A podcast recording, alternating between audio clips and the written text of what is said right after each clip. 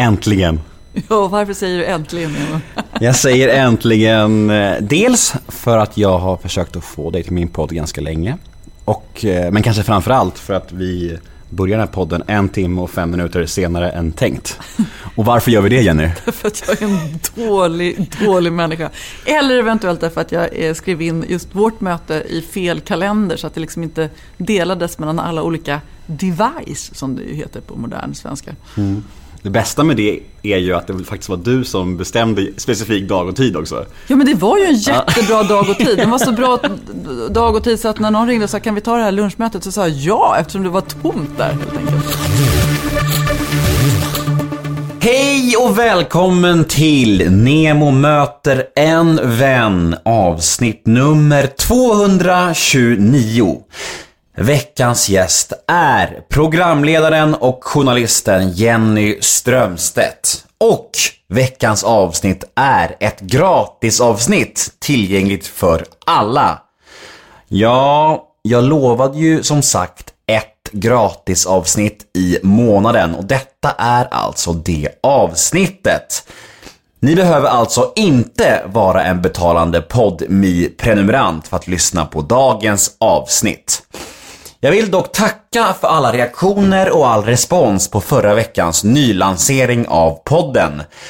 Jag vill tacka alla er som har valt att bli prenumerant denna vecka. Det värmer verkligen mitt hjärta oerhört. Tack, tack, tack, tack! Flera av er förstod varför jag tog steget till PodMe medan andra blev ganska irriterade och kritiserade mig. Och det förstår jag faktiskt. Det är ett stort steg att börja betala för en produkt som tidigare har varit helt gratis. Men det handlar ju trots allt om poddens fortsatta överlevnad. Och då var detta det bästa alternativet. Annars hade jag förmodligen varit tvungen att lägga ner podden helt istället. Och det vill ju varken jag eller ni. Och jag vill ju verkligen ha en helt reklamfri podcast, vilket jag nu har fått med hjälp av PodMe. Och hur blir man då premiumprenumerant av Nemo möter en vän? Jo, man går in på antingen podme.com där det kostar 29 kronor eller så laddar man ner podme appen där det kostar 39 kronor. Men de här summorna spelar ju egentligen ingen roll så här i början. Vet ni varför? Det är ju nämligen så här att första månaden så kostar det ingenting alls att prenumerera på Nemo möter en vän på PodMe. Det är helt gratis. Så gå in på podme.com eller ladda ner podme appen på en gång och prova en månad. Känn på appen lite. Njut av förra veckans avsnitt med Marie Göransson. Och sen kan ni utvärdera allting om en månad helt enkelt. Och känna efter då om ni är nöjda. Utan att ha betalat en enda krona. Hur låter det? Det är ju hur bra som helst. Det tycker jag ni ska göra i alla fall. Så, eh, ja. Gör så tycker jag. Nästa veckas avsnitt kommer nämligen endast finnas tillgängligt för premiumprenumeranter igen. Men, som sagt, dagens avsnitt är tillgängligt för alla. Och här kommer hon, den fantastiska och väldigt sympatiska Jenny Strömstedt i Nemo möter en vän avsnitt nummer 229. Mycket nöje. Nemo är en kändis, den största som vi har. Nu ska han snacka med en kändis och göra någon glad. Ja! Nemo, ja det är Nemo. Nemo möter en vän. Nu kör vi igång. Nemo möter en vän med Jenny Strömstedt. Är det här tredje gången vi ses? Blir det? Ja, först vi sågs hos Anita Schulman. Precis, vi gästade hennes eh, webb-tv-talkshow tillsammans. Och satt med konstiga järnsaker i munnen och gjorde grimaser. Ja, det var väldigt nytt då det här spelet. Vad heter det? Det heter någonting... Jag kommer inte ihåg, men man har plastskenor i käften och ja, så precis. ser man och, väldigt roligt. Och det är hysteriskt kul i typ 10 sekunder och sen bara, ja just det, nu, kan, nu vet man hur man gör. Är det inte så kul längre. och sen sågs vi på Idolfinalen och då gav du mig en blick som sa så här Förlåt för att jag inte har svarat dina samtal eller mail eller sms. Yes. Jag, jag, som inte, jag, det där, jag vill inte vara en sån människa. Det, men det, ibland blir jag... Jag hade, var en, jag hade en ganska tuff höst och sådär. Så, Mm. att det var väl... Det föll lite mellan stolarna vissa saker. Det Jag ber om ursäkt för det. Hur lugnt som helst. Nu sitter vi här och det är härligt och, och eh, vi dundrar igång med en liten faktaruta. Nu är det dags för en faktaruta. Ja, Namn. Eh, du, ja Jenny Strömstedt heter jag. Hela namnet då eller? Mm. Ja, Jenny Kristina Östergren Strömstedt faktiskt. Ja, faktarutan är lite ny men det är mest för att jag eventuellt har lyssnare som inte har koll på dig. Det är helt okej om, om det är många som inte har koll måste jag säga. Så det är lite så basic-frågor bara. Ålder. Eh, 46. Yrke. journalist och programledare. Mm. Vilket jag hävdar är ett väldigt specifikt yrke i sig. Bor. På Södermalm som alla andra i det här mediegettot där. Civilstatus. Gift. Vad svullar du helst?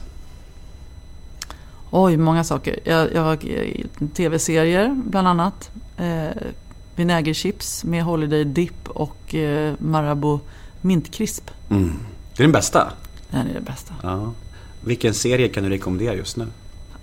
Eh, Just nu tittar jag då eh, väldigt sådär acting my age på Better Days på HBO Nordic. Som om den här frånskilda skådisen, eh, trebarnsmamman i Los Angeles.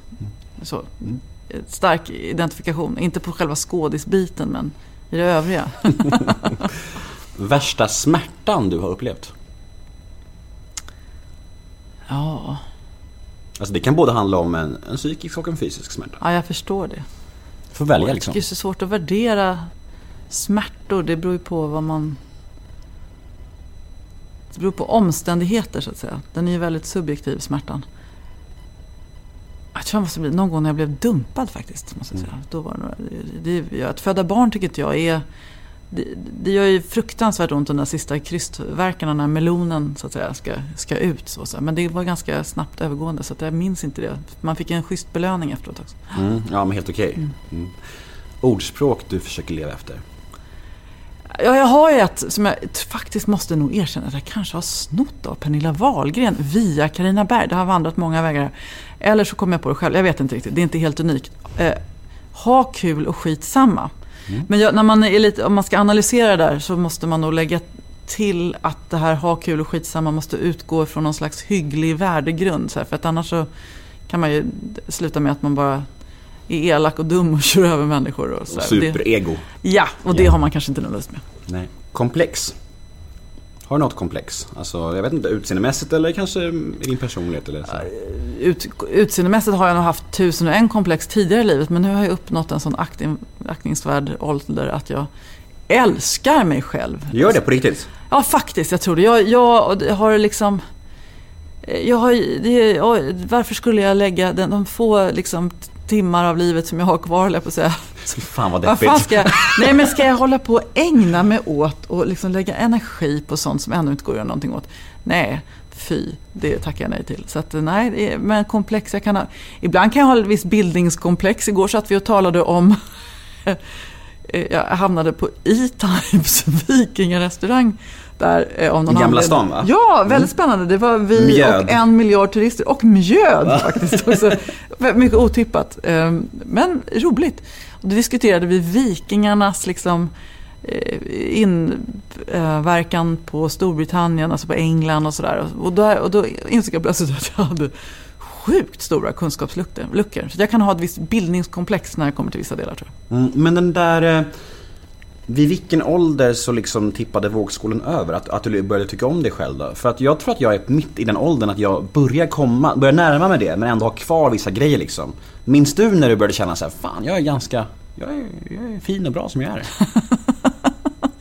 Ja, ja, jag skulle säga att det inträdde vid 36,8. Nej, men jag vet Nej, men inte, men- jag har ingen aning om det. Jag tror att det är jätteindividuellt och för vissa människor kanske aldrig kommer dit. Andra är, liksom föds in, rakt in i liksom kärnan av sig själva och eh, har aldrig Trygghet. något problem med det där. Så att, Mm. Och grattis till dem. Verkligen. Jag är jättefascinerad av de människorna och, och, och tycker att det är fantastiskt. Och undrar vad, vad gjorde deras föräldrar rätt? Så där kan man Mm. undra också. Men eh, jag vet inte, jag tror att det, han- det överhuvudtaget liksom. Man måste bara, ju mer man intresserar sig för omvärlden istället för sig själv på något sätt. Desto lättare blir det att leva tycker Mm. jag. Man var tar någonting- bort blicken in, inifrån och riktar den utåt istället. Det blir roligare då. Mm. Men det var någonting du landade i själv? Liksom, det var inte någonting du fick genom terapi, typ? Nej, jag har gått i terapi som alla andra höll eller som alla andra borde göra. Eller som alla borde göra någon gång. Om man har förmånen att göra det. Eh, och så. Men det var precis innan jag, när jag skulle skilja, var småbarnsåren och vi var på väg att skilja oss och sådär. Men eh, så då fick jag säkert lite hjälp där också, det tror jag nog. Mm. Jag tror också att det, det är mer också en, en mognadssak bara. Mm. Fobi? Har du någon fobi?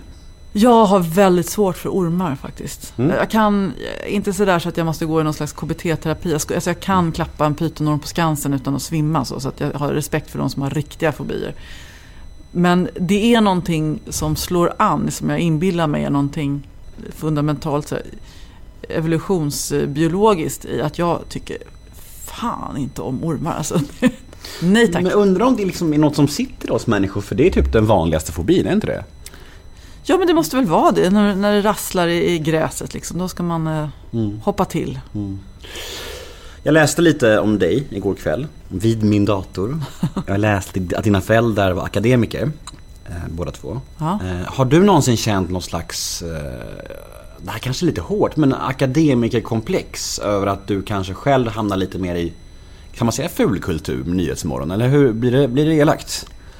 Eh, inte elakt, det får man väl tycka om man vill. Men kanske inte med sanningen överensstämmande skulle jag vilja säga. Men har du jag känt tycker att- att det är en vanlig missförstånd just när det kommer till vårt eller Nyhetsmorgon just det, som ligger i en kommersiell kanal. Att bara för att det är finare färger och man har närmare till garv så är det mindre seriös journalistik. Det är det ju inte. Nej. Men har du känt någon gång att du kanske, att dina föräldrar ville att du skulle bli någonting, jag vet inte vad ordet jag söker, men något seriösare? Ja, akademikerkomplex är väl rimligt. Nej, för jag plockade, jo, de skulle nog gärna ha velat att jag, jag plockade ju aldrig ut min examen ifrån journalistprogrammet eh, faktiskt. För att jag fick jobb och eh, den allmän rådande inställningen då var att eh, man var ocool om man eh, gick kvar där och man var cool om man fick jobb. Det var så här efterhand kan jag tycka att jag hade väl kunnat stanna kvar där och göra klart den där examen. Mm. Men nej, så tänkte jag inte riktigt då. Sen har jag ju fått göra väldigt mycket roliga saker. Så det är klart att eh, alla har väl någon ådra av att man vill tillfredsställa liksom sina föräldrars sådär, även om man antingen gör man revolt mot det eller så men någonstans så man kanske man vill det ändå, medvetet eller omedvetet. Men det där har jag också kommit över faktiskt. Men under en period så tror jag att jag kände mig lite misslyckad att jag inte hade den där examen. Mm. Men jag, jag tycker att kvaliteten på de produktioner som jag jobbar med, det är inga tramsproduktioner och det krävs både kunskap och liksom, eh, hårt arbete. Så det är ingenting jag skäms över. Är de stolta över dig? Ja, min pappa är död. Han dog Mm. för eh, inte alls länge sedan och min eh, mamma är jättestolt över mig. Ja, Mm. Pappa var också det. Nu kanske det där var en klumpig fråga. Jag, kanske borde vetat om det. Jag ber om ursäkt Nej, det du var måste känsligt. inte veta det. Jag har, skrivit, jag har skrivit jättemycket om det. Sådär. Men eh, han, han dog dagen för julafton faktiskt. Ja. Hur tog det hårt på dig? Ja, det gjorde det faktiskt. Samtidigt så hade han varit, han hade blivit väldigt mycket sjukare under hösten så att vi, som det är att man ser, man har en liksom äldre person som blir sjuk och man vet ju vad som kommer, det är liksom det mest naturliga i världen. Men samtidigt så för ens egen skull så är det ju ens pappa. Liksom. Och det blir ju alltid obegripligt när det väl händer tycker jag. Att och för mig var det också den första riktigt, liksom, det är klart min mormor har, har liksom dött tidigare och sådär men jag har varit förskonad väldigt mycket ifrån att nära kamrater har dött för tidigt och sådär. Utan pappa var en, den första riktigt viktiga personen som försvann för mig. Mm. Och samtidigt kan jag se att hela den där processen också var väldigt... Eh, det blev bra på något sätt. Jag var mycket med honom på slutet och vi... Vi hade inget o, osagt till varandra och kärleken var väldigt eh, klar och färdig. Liksom. Det fanns inga konflikter som vi inte hade talat om och sådär. Mm. Så att det blev bra och det var hans tid att gå så att säga. Mm. Så det är ju så att allt är precis som det ska vara och ändå inte. Jag har tänkt mycket på det där när, närstående går bort och, och föräldrar eller nära vänner och så här. Det är ju som att... Alltså om, det, om man har upplevt någonting ihop med en människa och det är bara vi två som har upplevt det. När den människan går bort då, då försvinner ju det minnet på något sätt. Då är det bara man själv som har kvar det. Och det, det är någonting existentiellt och lite läskigt i det tycker jag. Att det är som att jag har ansvar för det här minnet nu. Ja, jag vet inte, jag tycker det... Ja, det var fint uttryckt att man har Head over to Hulu this March, where our new shows and movies will keep you streaming all month long. Catch the acclaimed movie All of Us Strangers, starring Paul Mescal and Andrew Scott. Stream the new Hulu original limited series We Were the Lucky Ones with Joey King and Logan Lerman. And don't forget about Grey's Anatomy. Every Grey's episode ever is now streaming on Hulu. So, what are you waiting for? Go stream something new on Hulu. Hey, I'm Ryan Reynolds. At Mint Mobile, we like to do the opposite of what Big Wireless does. They charge you a lot, we charge you a little. So naturally, when they announced they'd be raising their prices due to inflation, we decided to deflate our prices due to not hating you. That's right. We're cutting the price of Mint Unlimited from $30 a month to just $15 a month. Give it a try at mintmobile.com slash switch. $45 upfront for three months plus taxes and fees. Promo rate for new customers for limited time. Unlimited more than 40 gigabytes per month. Slows. Full terms at mintmobile.com. ansvar för, för minnena. Som någon slags eh, hedershandling till den som har gått bort. Absolut. Sen tycker jag också att man, jag tänkte mycket på att man... Min pappa hade väldigt mycket kompisar. Han hade väldigt många eh, manliga vänner så där, som kanske inte är jättevanligt för män i den generationen. Som, som, uttryckte också, som också förmådde uttrycka en stor sorg när han försvann. Så. Och som berättade om vad de hade gjort och vad de hade pratat om. Och, så där. Och, så, och syrran och jag började prata om mamma. Så man inser också att alla har sin egen bild av en person också. Det behöver inte vara precis samma, utan den är precis som du säger, att man har sin. Och att den är mycket mer unik. Man tror med syskon säger att ja, men vi har väl samma bild av vår pappa. Men det visar sig liksom att det finns massa olika upplevelser och så här.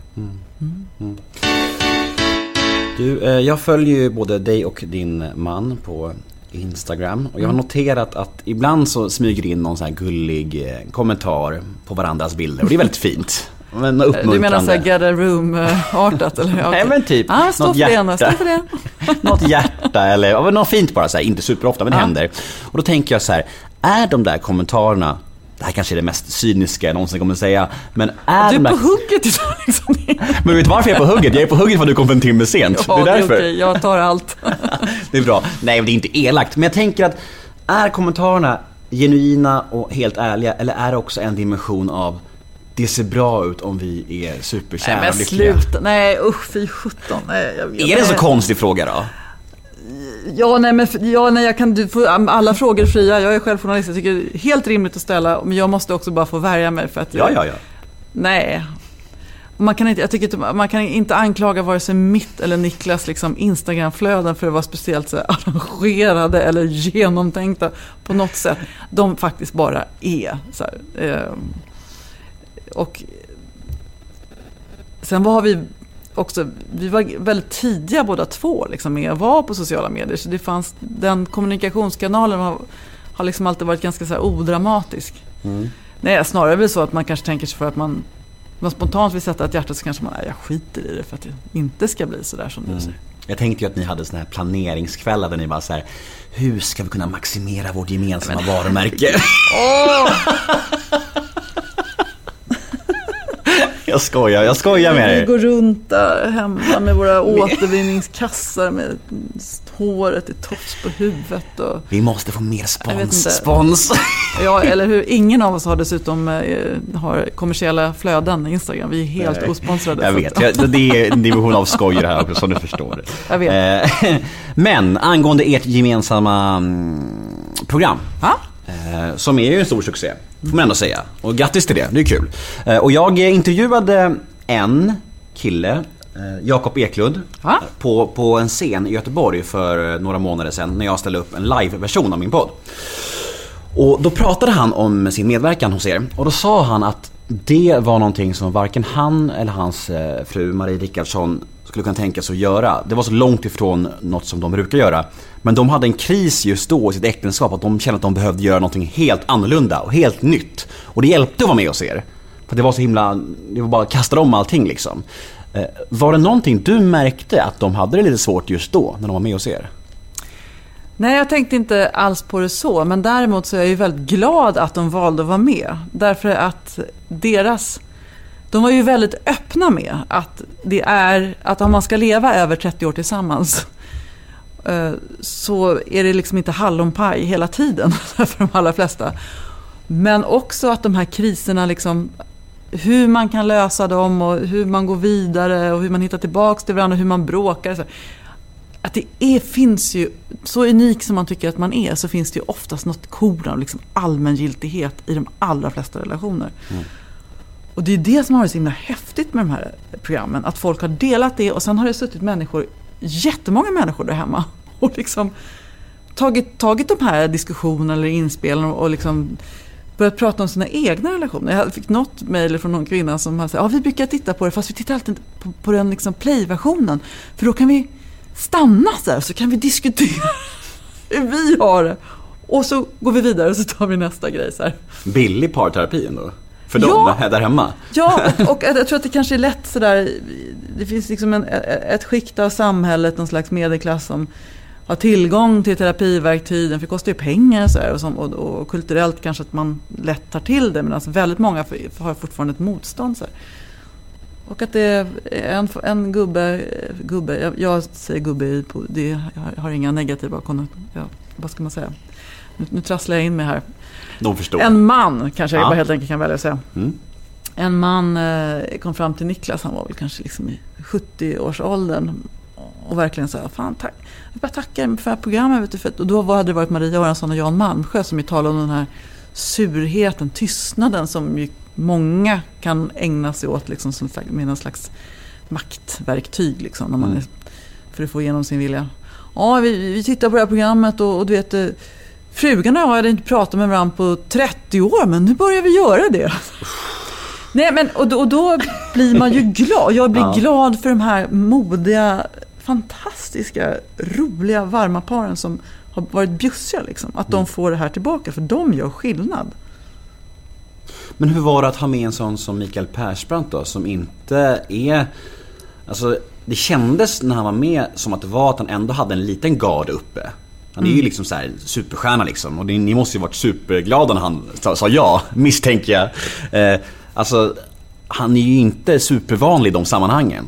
Hur var det att eh, vara hemma hos dem? Man får väl ha respekt för att människor också som är väldigt sådär, mm, kanske lite mediabrända av att inte alltid blivit schysst behandlade, har garden uppe mer, så är det ju säkert. Eh, Och det kanske han hade. Men jag tyckte ändå att han ansträngde sig liksom för att ändå bjuda på, på de utmaningarna som de har stått inför. Och liksom så där. Så att jag, nej, jag, jag tyckte det programmet också verkligen hade sina jättefina poänger. Har du några andra favoriter från de här säsongerna som du känner sticker ut? Som har varit så här som du bara... Ja, det är som att välja bland sina barn liksom. Det tycker jag bäst om äntligen. Det är ju jättehemskt. Men nu nämnde jag ju Janne Malmsjö och Marie Göransson. Och det är väl också, apropå knyta an till det här med åldranden, att det händer ju någonting när man då har levt ett jättelångt liv tillsammans. Och varit med om både fantastiska saker och liksom djupaste kris och sådär. Och man har hunnit prata om det mesta, då finns det inte så mycket rädsla kvar. Och det tycker jag är fint liksom, att få ta del av deras, deras sen är de ju sjukt roliga också, verkligen. Vad de pratar om och hur- hur de ser tillbaka på sitt liksom, livslånga nära på äktenskap och sådär. Så det, det, det var väldigt roligt och det gav mycket tycker jag. Och nu är ni i arbetet inför en ny säsong, eller? Det vet man inte. Kanske. Kanske. Kanske. Om det blir en ny säsong, vilka är då drömgästerna? Ja, jag tänkte ju då, jag sträcker nu ut en hand till Hans Majestät Konungen och drottning Silvia. Det vore ju väldigt roligt. Tänk, alltså, hur lever man en parrelation där liksom offentligheten är liksom en, en del av vardagen på det sättet. Man har liksom betalt för att vara ett par. För andra. Det är en ganska kittlande fråga. Hur mycket betalt har ni för att vara kung? ja, appa, vad ligger apanage på? Jag har inte kollat det senaste tiden. Om du får välja eh, drömgäster av kungen och Silvia eller Zlatan och Helena? kung som kung. Ja. Nej, jag vet inte. Eh, ja, jag får väl av respekt för majestätet får jag väl ändå säga Hans Majestät Konungen helt Mm. enkelt. Hur mycket delaktiga är ni i processen om vilka gäster det blir? Jättedelaktiga. Det måste ju liksom lira, det måste vara några som man är nyfiken på. Sådär. Ja. Mm. Har det varit någon gång under de här inspelningarna där det har uppstått någonting, en konflikt kanske eller någonting som ni är väldigt tvungna att ta bort? För att liksom det, här, det var liksom bråkigt, det något negativt så här? Nej, men, men det kan man ju, alltså, det är ju en ganska stor sak sådär. Det är ju inget lätt program att vara med i, för du måste ju ändå vara ganska modig och våga berätta saker som många kanske uppfattar då som, som personliga eller rent utav privata sådär. Och ta in folk i ditt hem? Ja, det är Ja. med. Vi- Så då vill vi göra det på ett respektfullt sätt. Och det finns ju inget självändamål liksom att vara där och, och ta med saker som folk inte är bekväma med att berätta. Liksom. Det, kan, det finns ju så mycket som man kanske tycker det är bra om man har en idé med varför man ska... Men ibland så spelar vi in saker så kanske man ångrar sig efterhand och sådär. Men då får ju... Det har ju hänt att, att har velat ta bort vissa saker. Men det har i allmänhet inte varit något problem. Eller det är inte ett problem. Det ska man känna sig trygg med när man är med hos oss.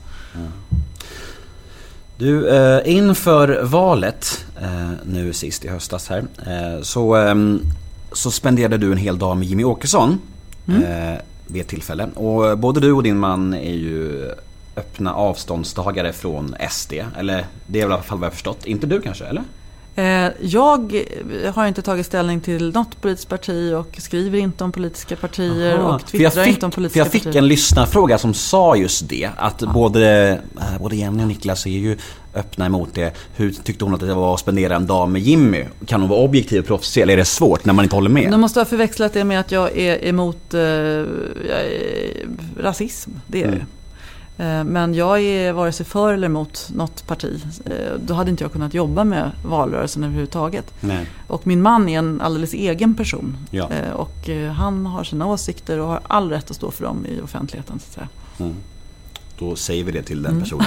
Det var inte min fråga. Mm. Nej, jag skyller så är det, ifrån mig nu. det, ja, nej, det var ju bra att jag fick svara på det faktiskt. Ja. Jättebra. Om det är folk där ute som undrar. Nej, men jag tror att det är liksom. lätt att blanda ihop också. Och det är inte samma att jag är jättenoga med det. Det är viktigt för vår trovärdighet och så vidare.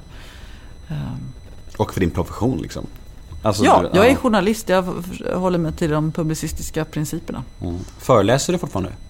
Nej, det gör jag inte väldigt lite. Ja. Varför? Ja, jag vet inte, alltså, Jag tror inte jag är någon speciellt bra föreläsare om jag ska vara helt Ärligt i alla fall, det är bra. vad, Jo, för, vad föreläste du om när det var aktuellt? Nej, men jag, har ju- jag har ju pratat mycket om jämställdhet och sådär. Och det tycker jag är jätteviktigt. Men jag, jag, jag tror att det är kanske nu att tiden är mer mogen. Men jag, jag tror att jag hade en tendens att bli alldeles för liksom, agiterande. så här, och det... Agiterande? Det var ett svårt ord. Ja, eller ja, att man liksom blir för... Liksom, jämställdhet är, är för många fortfarande. Liksom. Oavsett vad man vill säga så tror jag att många ute om man ser på liksom landet i sin helhet tycker jag att det, det är lite jobbigt och tvingande och läskigt och militant och sådär. Jag tycker inte att det är det. Så att säga. Men man, om man vill få, jag tycker att man ska prata om de här frågorna så att alla fattar vad det handlar om. Liksom. Att det är, det är lika möjligheter och rättigheter både för män och kvinnor, inte bara för kvinnor så att säga. Mm. Och för att få alla att förstå det så tror jag att man inte kan vara för hardcore helt enkelt. Sen, sen kommer vi alltid behöva de som står i frontlinjen och är, driver sina frågor och sådär och banar vägen. Men sen måste det finnas någon som är lite bakom och samlar ihop trupperna och är lite, inte kanske riktigt så, vad ska vi säga, agitator, eller utmanande, aggressiv eller vad ska man säga. Nu säger jag inte att de där är aggressiva heller, det är konstigt. Men vi behöver olika typer av tonlägen och dialoger och liksom utgångspunkter när man pratar om jämställdhet. Det där är intressant när du svarar nu för att du känner en skyldighet att förklara dig åt båda håll liksom. Och det är ju ofta så att när, man pratar om saker, det behöver inte ens vara känsliga saker, man känner sig nästan skyldig att säga bara Nej jag menar inte så, men jag menar inte så heller. Man vill liksom hitta något mellanting som att det trampar någon på tårna på något sätt. Nej, nej, så är det ju. Det är väl en yrkesskada kanske, fast eller också en yrkesförmån som man har faktiskt. Att hela tiden försöka se gråskalorna och perspektiven och förstå utgångspunkten för olika typer av uttryck. Jag får känslan av att du har ett jävligt nice liv. Nej men alltså vi pratade lite om det innan, att du har så många, flera olika program, du verkar så lycklig i din relation. Alltså, Ja, jag är, ja men jag har ju det. Jag är sjukt tacksam. vilket jävla liv du lever. Jag är jättetacksam. Jag är, framförallt är jag tacksam över... Nej, men jag lever inget så här särskilt glammigt liv. Det kan jag inte göra. Jag går inte jättemycket på olika premiärer eller sånt där. Eller, men jag... Men du mår jävligt bra. jag mår, ja, eller hur? Och det, vet du vad? Jag förtjänar det. Ja, där kom den. Ja. För det har, så inte, det har inte alltid varit så. Mm. Och det har varit en resa och eh, det är inte alls säkert att man träffar kärleken liksom, när man har eh, varit gift tidigare och massa barn och sådär. Livet är komplext. Men då gjorde jag det och så hade jag sån tur och jag är så tacksam över det. Men jag tänker inte, inte missunna mig det själv heller. Nej. Ja, ni känns faktiskt, eh, ni känns ju jättekära. Och det, är- och det är så intressant det där för att när jag tänker på offentliga eh, par, par i offentligheten så känns det ibland som att de är ihop fortfarande för att det är Ja men det är bra att de är ett par och de kanske har mycket business ihop och så här. Men, men jag fick känslan när jag sprang in i er nu där nere liksom i restaurangen att ni, ni är jättesöta och fina med varandra och pussiga och du vet Alltså det finns ömhet och kärlek där och då har ni varit ihop i flera år nu. Hur många år har ni varit ihop? Eh, vi träffades för 12 år sedan. Ja, 12 år och lika gulliga. Ja, men han är ju väldigt bra. alltså. Han är väldigt bra för mig. Jag är ganska bra för vi... Ja, men det är så skönt att vara ihop med någon som gör en själv till den bättre sidan av sig själv. Liksom. Inte förstärker det som är trist. Liksom. Det är en, enormt tacksam över det faktiskt. Och som har kul med. Så man vaknar på morgonen och så bara, ah men kolla, så här, där är ju han. Nu blev jag glad. Istället för att vakna så här. Han är där är snygg, ju han är snygg också. Ja, jag har aldrig... eh, Jag tycker det. han är ju, snygg. ja, ja, vad härligt. Det ska jag säga till honom. Gör det? Nemo tycker att du är snygg alltså. Ja, ja. Men akta dig så här. Ja men precis. Nej men alltså, nej men A lot can happen in the next three years. Like a chatbot may be your new best friend. But what won't change? Needing health insurance. United Healthcare Tri Term Medical Plans are available for these changing times. Underwritten by Golden Rule Insurance Company, they offer budget friendly, flexible coverage for people who are in between jobs or missed open enrollment. The plans last nearly three years in some states, with access to a nationwide network of doctors and hospitals. So, for whatever tomorrow brings, United Healthcare Tri Term Medical Plans may be for you. Learn more at uh1.com. Hey, I'm Ryan Reynolds. Recently, I asked Mint Mobile's legal team if big wireless companies are allowed to raise prices due to inflation. They said yes. And then when I asked if raising prices technically violates those onerous two year contracts, they said, What the f are you talking about, you insane Hollywood ass? So to recap, we're cutting the price of Mint Unlimited from $30 a month to just $15 a month. Give it a try at mintmobile.com slash switch. $45 upfront for three months plus taxes and fees. Promo rate for new customers for limited time. Unlimited more than 40 gigabytes per month. Slows. Full terms at mintmobile.com. Eh, ty- ja, det tycker jag också. Jag tycker han är jättesnygg. Men jag, har, jag tror aldrig jag har liksom valt killar. Ursprungligen valde jag bara killar som blev kära i mig. Så då blev jag kär i dem. Det var väldigt praktiskt. Men, nu- så har aldrig varit något viktigt för mig. Så råkade han vara superhärlig verkligen. Jag tycker om skägget förresten. Jag tycker det är bra och det adderar liksom en extra dimension i hans aura. Vad är det för dimension i hans aura? Nej men jag vet inte, han blir lite mer spännande. Ja. Ja, nu är det någonting nytt och det är så här, jag vet inte, det är... Ja, jag gillar det. Du har ju också skägg. Ja, lite stubb ja. ja. men jag tänker att det är pappalucken. Ja, ah, det är pappaskägg. Mm, jag började spara lite så här skäggstubb Är det för att man inte barn. hinner raka sig på morgnarna längre eller? Nej, men jag har ju också en vision om att man kan vara så här snygg pappa med barn, man har lite skäggstubb och så här när man går runt. Härligt, ja, det är, det är stiligt. Ja, tack, tack. Eh, jo, jag hade en följdfråga på det här med att du eh, mår så jävla bra och är så jävla lycklig. Och, eh, när mår du piss? Ja, jag kan, alltså, efter i julas där var väl inte livet jättemajsigt såklart. När min pappa hade varit sjuk jättelänge, jag hade jobbat svinmycket. Valet var liksom jättemycket jag hade jobbat.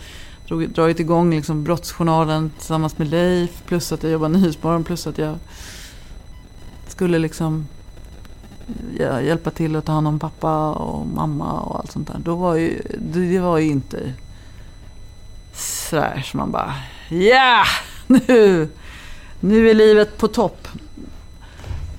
Men jag vet inte.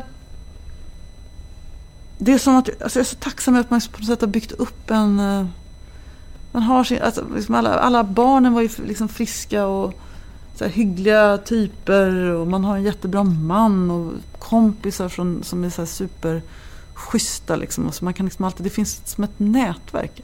Mm. Jag, jag tycker att det är också en sån här grej som blir viktigare och viktigare liksom med, med åren. Att man, men det händer ju skit liksom. Det kan bara vända. Och I min ålder det kommer ju bara bli mer och mer skit som kommer hända. Man får någon sjukdom eller någon annan som man älskar får en sjukdom. Och så måste man liksom kämpa sig igenom olika grejer. Eller man blir av med något jobb eller vad det är. Det är bara, men då, om man då har liksom buffrat med skitbra människor runt omkring sig. Då kan man hjälpas åt. Liksom. Som, Eller, kan, som kan fånga upp Ja, och så får man ju vara en del av förhoppningsvis då av andras nätverk. Så att när skiten slår i deras fläkt, då får man vara där. Mhm. Eh, och då, då, då har jag i alla fall, liksom i mitt liv känner jag att det blir inte den där botten som man känner att det här, nu faller man ner och det, jag kommer aldrig ta mig upp. Utan det finns liksom alltid, okej, nu är vi här. Nu får jag liksom vara ledsen och sådär. Men det finns liksom en ljusning och jag får hjälp och de drar i mig. Ja. Du nämnde Leif Mm. och eh, man blir ju väldigt nyfiken. Hur är han att jobba så tätt inpå? Eh, men jag, jag kan redan nu vara så här, säga att jag kommer vara, jag har en princip och det är att jag aldrig liksom eh, pratar speciellt mycket om mina kollegor. Folk är alltid jättenyfikna hur han egentligen och så. Ja. Jag Fast du lovade inför intervjun att du var extra bjussig här ju. Ja, fast det är mer, då får du fråga om något annat. Nej, men alltså, eh, därmed inte sagt att jag, kan, att jag kan prata om Leif. Men eh, jag tycker att det är viktigt att vara lojal med Jag sina förstår, kollegor. såklart. Eh, nu låter det som att, så här, som att det fanns massa svarta hemligheter också. Precis. Det var inte det. Eh, nej, men jag tycker jättemycket om att jobba med Leif eh, också. Eh, sen har han ju liksom, han är ganska krävande och så. Men han är ju väldigt rolig också. Och, så, och skarp. Och sådana människor är ju svåra att inte tycka om. Det är ett bra svar, det duger. Hur tror du ditt liv ser ut om tio år? Jag tror, det, det kan man ju inte. Jag kan ju inte veta, det kan ju se ut hur som helst. Liksom. Men vad eh, hoppas man kan på? hoppas på att... Jag hoppas, ja, det är det här, kommer in det här. Alla bara, men gud vilken tråkig jävla präktig Fröken Sverige-kandidatsmänniska. Minus utseendet. Men det... Eh, alltså, men, men det... Jag vill bara att alla, jag vill verkligen bara att alla ska vara friska. Just nu är jag inte snabb. Jag har haft en hypokondrisk period. Jag vill inte att någon ska bli sjuk så här riktigt. Så jag tycker att alla, som, alla måste få vara friska. Eh, jag vill kunna fortsatt ha ett jobb så jag kan betala räkningarna. det vore trevligt. Eh, jag vill kanske kunna skriva lite mer än vad jag gör nu. Kanske ha lite mer tid till så här. kanske skaffa en hund. Nej, Jag, vet, jag vill bara att det ska vara, att det ska få vara liksom lite, ja, rulla på. Bra. Jag har ett segment som heter antingen eller. Eh, Det är lite snabbfrågor kan man säga och då får du två alternativ. Då får du bara svara vilket du föredrar. Ja, det är så här pest eller kolera. Typ. Vad tycker du? vad, vill du helst äta? Bajskorvar eller kiss? Nej. Alltså, det är inte så elaka. Nej, okej. Men det kanske kommer någon lite svår, vi får se. AIK-match eller Let's Dance? AIK-match. Nej, Let's Dance. Nej, AIK-match. AIK-match, det är snart eh, allsvensk premiär. Jag har lovat att gå på premiären nu. Jag älskar att den blev svår. Det var en bra fråga alltså. Mm, bra. Glenmark eller Orup? Den är ju jättetaskig. Mm, och rolig. Och rolig. Ja. Hmm, nej, men eh, oj, oj, oj. Det beror på vad man ska göra. Vad ska vi göra? Eh, äta middag. Äta middag? Ja. Ja men jag kan ta Orup då, för det var, för, det var mer längre sedan jag käkade middag med honom än jag käkade middag med Glenkan. Mm. Glänkan. Så säger vi som är mitt i smeten. vi säger inte Glenmark. ja, exakt. Säger de Strömmis som är då eller? Ja, Strömmis. Ja, det Strömmingen. är faktiskt bara en person som kallar mig för Strömmis faktiskt. Då. En sminktjej. Ja. Två med mig nu. Ja. Eh, TV eller skriva texter? ja, ska jag ta det som jag tjänar pengar på eller det som jag tycker Nej, det som du tycker som är jag roligast. vill tjäna pengar på. Eh, som är roligast? Oj, nej men oj, jag tycker det är roligast. Jo, men just nu tror jag faktiskt att jag skulle vilja utveckla skrivandet mer. Och därmed inte sagt att jag sitter och håller på med någon bok alls. Nej, nej, nej, nej, nej. Jag, tror, jag har stor respekt för riktiga författare. Jag kommer nog aldrig bli någon, men det är roligt att skriva. Ja. Katt eller hund? Va? Det är ens en fråga. Mm. Jag, vet, jag vet vad du kommer säga. Katt. Katt. Det Intervjua... enda jag kan sä- säga att jag har lite problem med Leif. Han kom ju ut som en uh, icke kattälskare. Mm. Och då föreslår jag så här, men du kanske vill träffa Kerstin så, kan hon liksom, så kanske du kan ändra dig. Det är din katt alltså? Ja. Mm. Nej, jag har inget som helst intresse av att träffa Kerstin, säger han. Hur ska jag hantera det här, Nemo? Jag tycker det är roligt att han är så rak. Jättekul. Jag eller elak? Nej, det är inte elakt. Det värsta är att jag tror att Kerstin skulle omvända honom. Tror du det? Låt... Skulle lägga sig där på hans rutiga skjorta liksom och börja fjäskspinna. Han skulle inte kunna motstå det. Du får överraska honom någon dag. Ja, eller inte. På redaktion, redaktionen, på bordet ligger en katt bara. Jag kan säga att det, det har förekommit önskemål från redaktionen att detta ska inträffa. Men jag tror att vi avstår. Då blir det inget mer För samarbete efter det. Kerstins skull. Ja, för Ker- Kerstins fortsatta överlevnads skull. Ja. Ehm, intervjua eller bli intervjuad? Intervjua. Alltså, inte, med dig, det är väldigt trevligt att bli intervjuad dig. Men det är ju ing- uh, Ja. svårare, tycker jag. Ge eller få? Va, få vad, vad, vadå? Ja, det får du, det ju- bara, bara din fantasi kan stoppa dig här.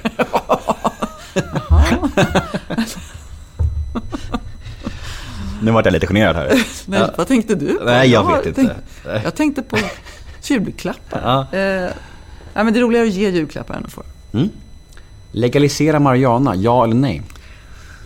Jag måste nog säga nej där. Jag tycker liksom inte att jag ser något roligt. Jag tycker att människor som har stor smärta ska kunna få liksom, eh, röka på om det tar bort dem möjligtvis. Om det är medicinskt motiverat. Alla former av droger har ju bara visat sig förleda folk åt helvetet. Bli blind eller döv? Eh, ja, jag vet inte. Jag vet inte. Svårt. Ja, det är svårt. Är Jättesvårt. svår. Ja. Jag kan inte heller svara på den Nej. faktiskt. Passa dig, du får göra det. Mm. Helenius eller Skavlan? Nemo Hedén. Nej men Det här, schysst. man förstår ju nu, så här, vi brukar ju ofta köra såna här eh, pest eller kolera med politikerna. Vi gjorde det senast i Almedalen och de Nu bara är det din suckar och tur. vrider sig och man tänker så här, haha! Tänker man, du måste svara och så har man något litet utväg som gör att alla svar blir fel. Vilket det kommer bli i det här fallet helt enkelt. Men du säger Helenius av en, som kanallojal. Bra. Han är också väldigt, väldigt rolig. Han är ju väldigt rolig. Många som är roliga är ju mest roliga framför kameran. David är ju rolig hela tiden. Synd att han hatar intervjuer bara. Han gör ju inte någon intervju. Han syns aldrig i en intervju. Nej. Han har inget behov av det och det är kudos till det, jag säga. Mm. Integritet. Betyder det att jag inte borde ha ställt upp här? Du är jättefin som gör det. Jag är så tacksam för att du är Även här. fast jag kom en timme för sent. Ja, det är faktiskt. Eh, om eller sista morgonen? Om, tror jag. Mm. Och för folk som inte förstår, det sista var det alltså två Niklas Strömstedt Ja, du kanske vill sjunga? Nej, men vi kan, vi kan slänga...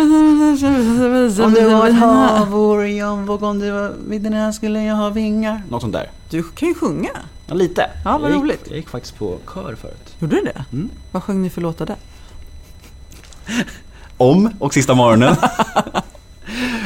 Nästa segment heter ett ord om och det går ut på att jag säger fem stycken svenska kändisar som brukar skapa reaktioner. Du ska säga första ordet som kommer i ditt huvud när du hör namnet. Okej. Är du med?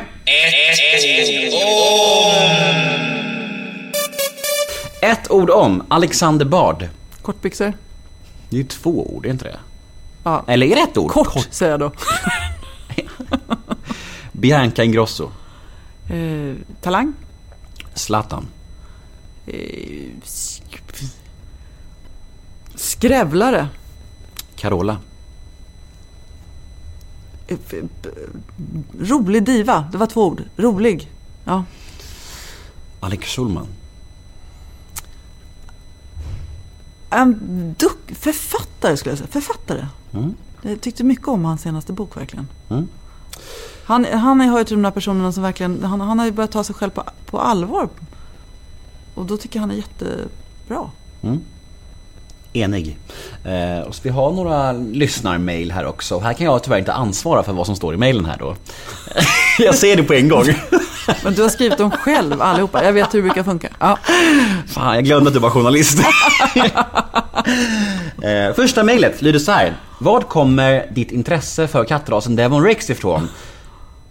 Ja, det var bara så. Ja, jag och min exman, han var väldigt eh, designduktig och trendig och medveten. Sådär. Och då släppade han hem en bok av en formgivare som heter Lars Sund. Mm.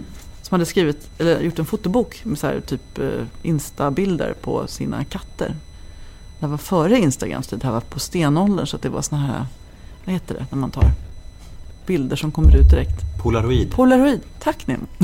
Var det ett skämt det där? Nej, det var inte ett skämt. Jag kommer inte på vad det hette. Eh, så, ja, och då så var de så roliga, de där katterna. Och det var Devon Rex. Mm. Så då lyckades jag, det fanns det typ inte alls särskilt många uppfödare i Sverige. Då lyckades jag hitta en sån utanför Söderhamn. Vill du höra en mörk historia om en Devon Rex? Kommer jag börja gråta? Nej, men eh, för några år sedan så skickade jag eh, en bild till dig på Twitter på min mammas Demon Rex. Du kan ju omöjligen minnas det. Eh, för jag tror inte ens du hade koll på vem jag var då om jag ska vara helt ärlig.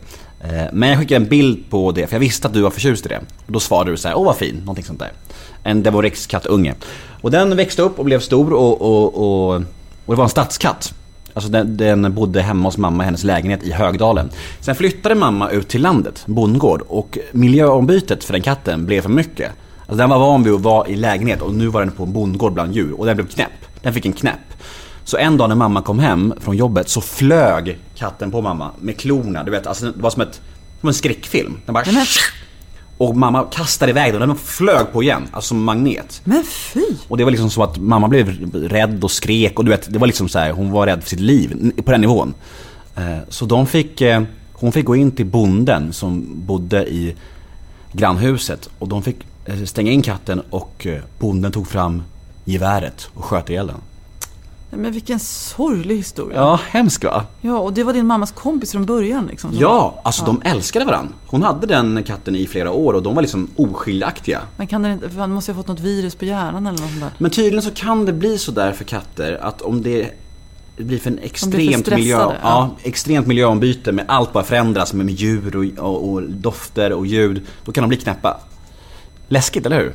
Ja, det var tråkigt. Det var en tråkig historia. Var hemskt. Jag vet. Men jag vet inte varför jag kände att jag blev berätta den, för det blev så. Det blev för präktigt det här programmet så måste in lite svärta. Ja, men jag förstår det. Jag Ja. förstår det. Ja. Jag fick ju inget ur ångestfrågan så jag var tvungen att slänga in lite mörker. ja, nästa mejl lyder så här. Mejl nummer två. Berätta om någon gång där du och Steffo har rykt ihop på allvar. Det måste väl finnas någon gång där ni verkligen har blivit lite osams. Lite osams på riktigt. Finns det någon gång? Då du har känt så här. Fan jag vill aldrig mer jobba med den här jävla gubben. Jag måste tänka efter. Vi, jag kommer ihåg att vi rök upp någon gång. Nu försöker jag minnas vad det handlade om faktiskt.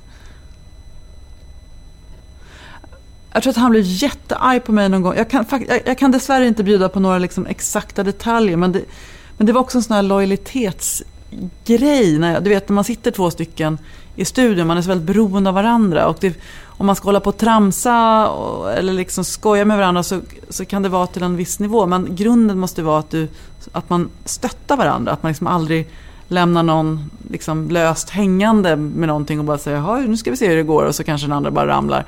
Det gör man inte utan det, man måste, man måste liksom hjälpa till. Det är liksom grunden i, i att jobba två programledare i nyhetsprogram eller där det är högt tempo och såna grejer. Tycker jag i alla fall. Och då hade jag missat det där i något läge och han tog mig åt sidan och var sådär på riktigt arg. Och det var nog helt rätt tror jag också. Blev du rädd? Nej, vi har en, vi har en ganska bra dialog och vi är också bra på att säga saker så här direkt. Det är ju liksom annars en eh, mänsklig oförmåga som jag funderade över. Jag skrev en text i här veckan bara då i Expressen kring det här. Det är så svårt att liksom ta konflikter eller känsloutbrott, eller så här, när det kommer liksom. Oavsett om det är någon som blir arg på dig eller du blir arg på dem eller man undrar någonting eller känner sig kränkt. Det är ofta så går man, alltså, kommer man liksom på jättelång tid efter och sen så och inte ens då ringer man upp utan det liksom går tid och så byggs det på. Eller i- om man lever i en relation. Det där tänker jag jättemycket på. Man måste liksom öva på. Utan att bli så direkt säga, gå omkring och bli någon sanningssägare. Det handlar inte om det. Man kan ju fortfarande ha en schysst dialog. Liksom. Men Man, man måste bara bli bättre på att ta grejer när det kommer på något sätt. Mm, annars bygger man ju bara på sig. Ja, det, blir, det blir bara katastrof för alla inblandade i slutändan på något sätt. Oftast. Och så blir det en falling down. Ja, Att man och ingen fattar någonting. Eller sån här stackars människa som har varit ett arsle möjligtvis fattar inte heller att den har varit ett arsle. För att alla har tillåtit den att vara ett arsle. Ja. Och för er som inte vet så är Falling Down då en film från 80-talet med Michael Douglas. Ja. En bra film. Jättebra film. Fy- Fyra plus kanske. Skulle den hålla om man såg om den då? Jag vet inte, kanske prova det ikväll. Ja. Ja, vi får se.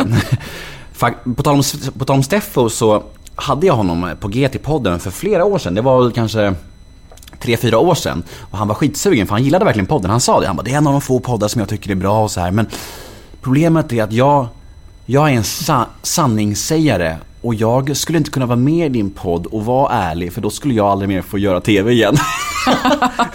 alltså han menar sitt liv, att han Ja, ja, lever på ett ja. sånt sätt. Det stämde. Väldigt kul självinsikt. Å andra sidan så brukar han och jag enas om att egentligen så borde man ljuga mer. Så här. Varför ska man hålla på och berätta Mm. sanning? Nu är ju jag själv då kanske, eh, vi är ju då i, i sanningsfacket för att vi ska kunna leverera en trovärdig produkt så måste vi hålla oss till sanningen helt enkelt. Men eh, i övrigt så här så skulle, borde man ju egentligen, jag tycker, om man inte har det trycket på sig så kunde man ju ljuga lite mer. Steffo kommer nog komma med en köttig självbiografi den dagen han pensionerar sig tror jag. Vad ska den handla om? Hans, hans galna dagar tänker jag. Hans, hans vilda liv. Nästa eh, lyssnarmail lyder så här. Hur bra betalt är det på TV4 egentligen? Något säger mig att ni i Nyhetsmorgon har extremt fin lön. Jag, kan, vet, jag vet ju bara min lön är. Har ni inte samma typ? Nej, jag vet inte. Det här är ju såna här, vi har ju såna olika sekretessklausuler i våra kontrakt. Så att säga. Tråkigt. Ja, tråkigt. Så att jag är hemskt ledsen. Jag kan liksom inte vare sig yppa någonting om mig själv eller någon annan. Okej då. Men, men, men vi eh, har det ju väldigt, liksom, jag är tacksam över att jag kan tjäna pengar, ta hand om min familj. Det. Det går ingen nöd på Jenny Strömstedt. Inte, nej, det gör det verkligen inte. Nej. Nummer fyra bland lyssnarmailen. Hej Jenny! Vad är ditt och Niklas knep? Det här ständiga ordet knep. Folk vill ha knepet. Vad är knepet för att hålla kärleken vid liv? Och vad är det bästa respektive jobbigaste med honom, anser du? Nej, men knä, jag, alltså, jag har ju då fördelen att jag inte behöver sitta här själv som en sån här sex och samlevnadsexpert. Liksom. Därför att jag har ändå intervjuat alla de här människorna så man kan samla ihop lite av vad alla de har sagt funkar och så blir det en mischmasch. Men eh, då, då tror jag så här att det, det här var faktiskt också något som min pappa faktiskt höll tal om på, eh, på mitt första bröllop.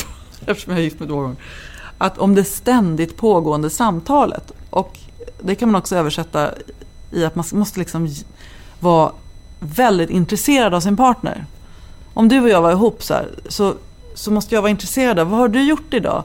Vad pratade du om på fikat? Hur gick det med den där intervjun du skulle göra? Och liksom, ha, köpte du den där? Och vet du vad som hände på ICA? Nej, vad hände på ICA egentligen? Och sen så gjorde jag det här och så på förskolan hände det här. Ja, Så att man verkligen ens partner måste liksom vara ens största intresse. Så att man hela tiden har koll på. Om någon frågar mig så här, vad, vilket är din, om du ska bjuda Nema på hans favoriträtt just ikväll, vad skulle, då måste jag veta det. Eller vad skulle göra dig glad? Då måste jag veta det också. Och om man har det där ständigt pågående samtalet, liksom, då blir det inte de där stora avgrundsdjupa monster liksom, vallgravarna som gör så man kan ramla ner i. Där är bara svart och så kan man inte komma upp. Det är ett råd. Sen tycker jag att man måste vara det här med lojalitet också. Som lite grann det man pratar om när man jobbar i en soff-situation, en nyhetsmorgon. För det tycker jag också med de här paren jag intervjuat. Att när det har varit konflikter eller någon har råkat i blåsväder. Liksom att man har den här partnern som står med, som drar den långa lansen och står liksom vid sidan. Sådär. Det är klart om det är någon som börjar bli, begår allvarliga brott och sådär. Men det är en annan historia. Men i en vanlig relation. Liksom, att man ändå är lojal med sin partner. Man, du vet, det finns ju folk som ibland hänger ut varandra på fester eller så här på middagsbord. Liksom, att man, inte, man måste ha varandras rygg. Gud, alltså det där du sa om att ens partner måste vara ens största intresse. Det har jag aldrig hört förut från någon. Vilket bra tips. Verkligen. Pröva. Ja, men eh, del två av frågan var ju så här, vad som är det bästa respektive jobbigast med honom. Det bästa med Niklas är att han är helt, han är liksom helt fördomsbefriad på något sätt. En väldigt öppen person som möter alla med liksom respekt på något sätt. Och det finns ingenting som är så här, initialt så här, konstigt eller liksom bara intresserad. Han är väldigt intresserad liksom. Och, så. Mm. och det är väldigt skönt. Man får verk- jag känner mig helt trygg med honom. Det är en annan sak i det där med relationstipsen för övrigt. Man måste kunna vara helt trygg med sin partner. Och det hänger ihop med det där jag pratade om tidigare. Man behöver inte oroa sig för att den här kärleken inte finns där. Eller att man inte finns där för varandra. Man är trygg. Men, och det sämsta med honom det är att han just nu är fixerad vid något jävla golfspel i telefon. Har du blivit galen? Väljer du mig eller golfspelet? Då säger han att han väljer mig, men jag undrar. Ja, men det var en ganska harmlös sämsta egenskapen då, får man säga. tycker jag. Eh, nästa. Det här tycker jag är lite elakt och det här är en kommentar, men, men jag håller inte med, bör tilläggas. Men jag vill ändå ta med det för att det var så himla förvånande. Är hon så disträ som hon ibland verkar på TV? Det är för mig positivt, bör tilläggas. Älskar om det verkligen är hennes personlighet. Jag tycker inte du verkar disträ i TV. Har du fått höra det förut? Eh, jag vet inte, hon kanske tänker på... Jag tror att det... Nej, det, ja, nej, det går ju liksom inte att vara disträ i det här jobbet om man ska klara det så mycket. Jag kanske eh, tror att den här personen, ibland så finns det liksom ett, ett... Det blir någon slags rollspel när man jobbar med Steff och jag helt enkelt. Att han blir eh, den här liksom skojiga Goofy. Ja, eller också det, gubb, farbrorn där och det är han som liksom så. Och så, så att man, tar olika roller och jag tror att det kanske i perioder när vårt samarbete så har jag fått, så har han skämtat ganska mycket om att jag inte är cool eller att jag är så här. Men det stämmer inte. det kan jag ju säga. Det är verkligen. Eh, jag har faktiskt stenkoll. Men däremot så kan jag nog vara disträ så tillvida att jag kan gå väldigt mycket in i saker. Här. Om jag sitter hemma och läser någonting så här, då, och det händer grejer runt omkring så kan jag bli lite disträ säkert mot min omgivning därför att jag blir så väldigt fokuserad på det jag håller på med. Mail nummer 6. Hur pass medvetna är ni i Nyhetsmorgon? När något går fel, blir ni extra nöjda då eftersom ni vet att chansen är då stor att det blir viralt? Eh, Sitter det en producent i kontrollrummet och hejar på tokigheterna som sker? Ja, fy, ja, jag förstår. eh, Det är kanske är lite lätt syrliga tonen där och jag instämmer i sådana fall med den. För jag, det fanns en period också precis när, när det var nytt. Man, alla var väldigt inriktade på att man den här digitala trafiken och att den skulle drivas. Den skulle drivas med klipp och liksom så fort, att det var verkligen så att man ville att det, man ville liksom få till de där klippen från saker som kanske inte liksom var någonting. Ja. Krystat. Ja, och jag, jag tycker att det är förskräckligt och ibland så också så, så var det ju saker som gick snett och vi tyckte inte att det där var speciellt roligt så. Men någon på någon klippredaktion satt och bara tryckte ut det där och så kände, och apropå det där med disträ, det är klart att om allting som trycks ut digitalt på en handlar om friterade ostbågar eller att man eh, eller som i Leifs fall, att liksom det är bara så här roliga frågor om, om eh, förkylningar och, och konstiga katter och sånt där. Istället för det som egentligen är det journalistiska innehållet. Det är ju inte så konstigt att folk uppfattar oss på det sättet heller. Nej. När den stora majoriteten av det vi gör är liksom, de lägger ju inte ut den här klippet ur den här Melinda Gates-intervjun eller eh, att man har gjort ett jättejournalistiskt jobb kring något ämne som man har gjort en serie. Det är inte det som kommer, det är inte de klippen som blir virala, oftast inte i alla fall. Fan vad intressant. Det börjar nästan låta som en, en dokusåpa där man vill ha folk som karaktärer. Förstår du? du vet, jag var med i Kungen av Tylösand för många år sedan. Ja. Och då var det ju så att då fick jag en tydlig roll om hur jag skulle vara. Och om jag läste en bok till exempel, då kommer ju inte det med i TV Nej, liksom, såklart. såklart. Så det börjar nästan bli som en sån. Alltså, Ja, och det, och det, och det är ju mm, sådär. Det, och, och, så att, men det vet jag också att vi, har ju också som... I det läget när det där var som värst så, sa vi, så invände vi mot det också. Så jag vet att våra redaktioner då där som sysslar med det här faktiskt liksom tänkte efter lite grann. Sen kan jag tycka att det oh, fortfarande, men det är väl en del av vårt jobb då, då får man väl köpa det. Jag vet ju vad jag håller på med i övrigt också. Och, så. Mm. och det är väl inget fel med att vara och steka ostbågar. Om folk tycker det är roligt så kan jag gärna bjuda på det. ja, med den lönen så. Jag skojar. Jag skojar bara. Så jävla mycket känner jag inte. Ja. Jag skojar bara. Förlåt, förlåt, förlåt jag nu. Jag kan inte hålla mig. Vad känner du på den här podden? Vi kan ta det sen. Ja. Eh, Hej Jenny. Vad tycker du om TV4s politikexpert Marcus Oskarsson? Egentligen, man vill ju bara komma in i ditt huvud när han droppar sina små smyg-sympatiserande SD-kommentarer titt som tätt. Ja. Och då har jag redan flaggat för att det är den här typen av kommentarer som jag väljer att avstå. Jag kommenterar inte mina kollegor helt enkelt. Nej, det är okej. Ja. Eh, Och då har vi egentligen bara en fråga kvar. Som jag har valt att döpa till Nemos känsliga fråga. Nu blir det jobbigt va? Ja, nu, med tanke på att jag kommer en timme för sent och måste leverera så ja, Ja. det är lite jobbigt. Nemos känsliga fråga. Den lyder så här, och den har jag skrivit själv. Det här är inget lyssnarmail. Det här är från mig. Det var få ställen det stormade så kraftigt omkring under metoo som din arbetsplats TV4. Kan du känna en ilska och besvikelse gentemot dina chefer att de först agerade när situationen med Martin Timell blev ohållbar och all skit läckte ut på riktigt? När de helt uppenbart måste ha vetat om dessa grejer under lång tid men ändå inte agerade? Eller känner du bara att det är så det funkar i den här branschen? Money talks och så vidare. Det där är ju en jätteviktig fråga och spännande på alla sätt och vis. Och det är klart att jag, det var lite roligt för när det här dök upp så höll jag på att googla. Då hittade jag faktiskt eh, ett dokument som jag själv hade skrivit med någon arbetsgrupp så här, i början på 2000-talet. Så här, med en plan för hur TV4s produktioner skulle jämställdhetssäkras. det var ingen som ville ha den då kan jag säga. Nej, men eh, den skrevs i alla fall. Och ja, det är klart att jag kan tycka att eh, alla de här utsatta, liksom, de här personerna som jobbade på de olika arbetsplatserna, att de eh, borde ha agerat tidigare. Av samma anledning som vi var inne på tidigare när vi pratade om relationer och sådär. Man, man, man ger ju också rum för de här personerna att bete sig som arslen. Liksom.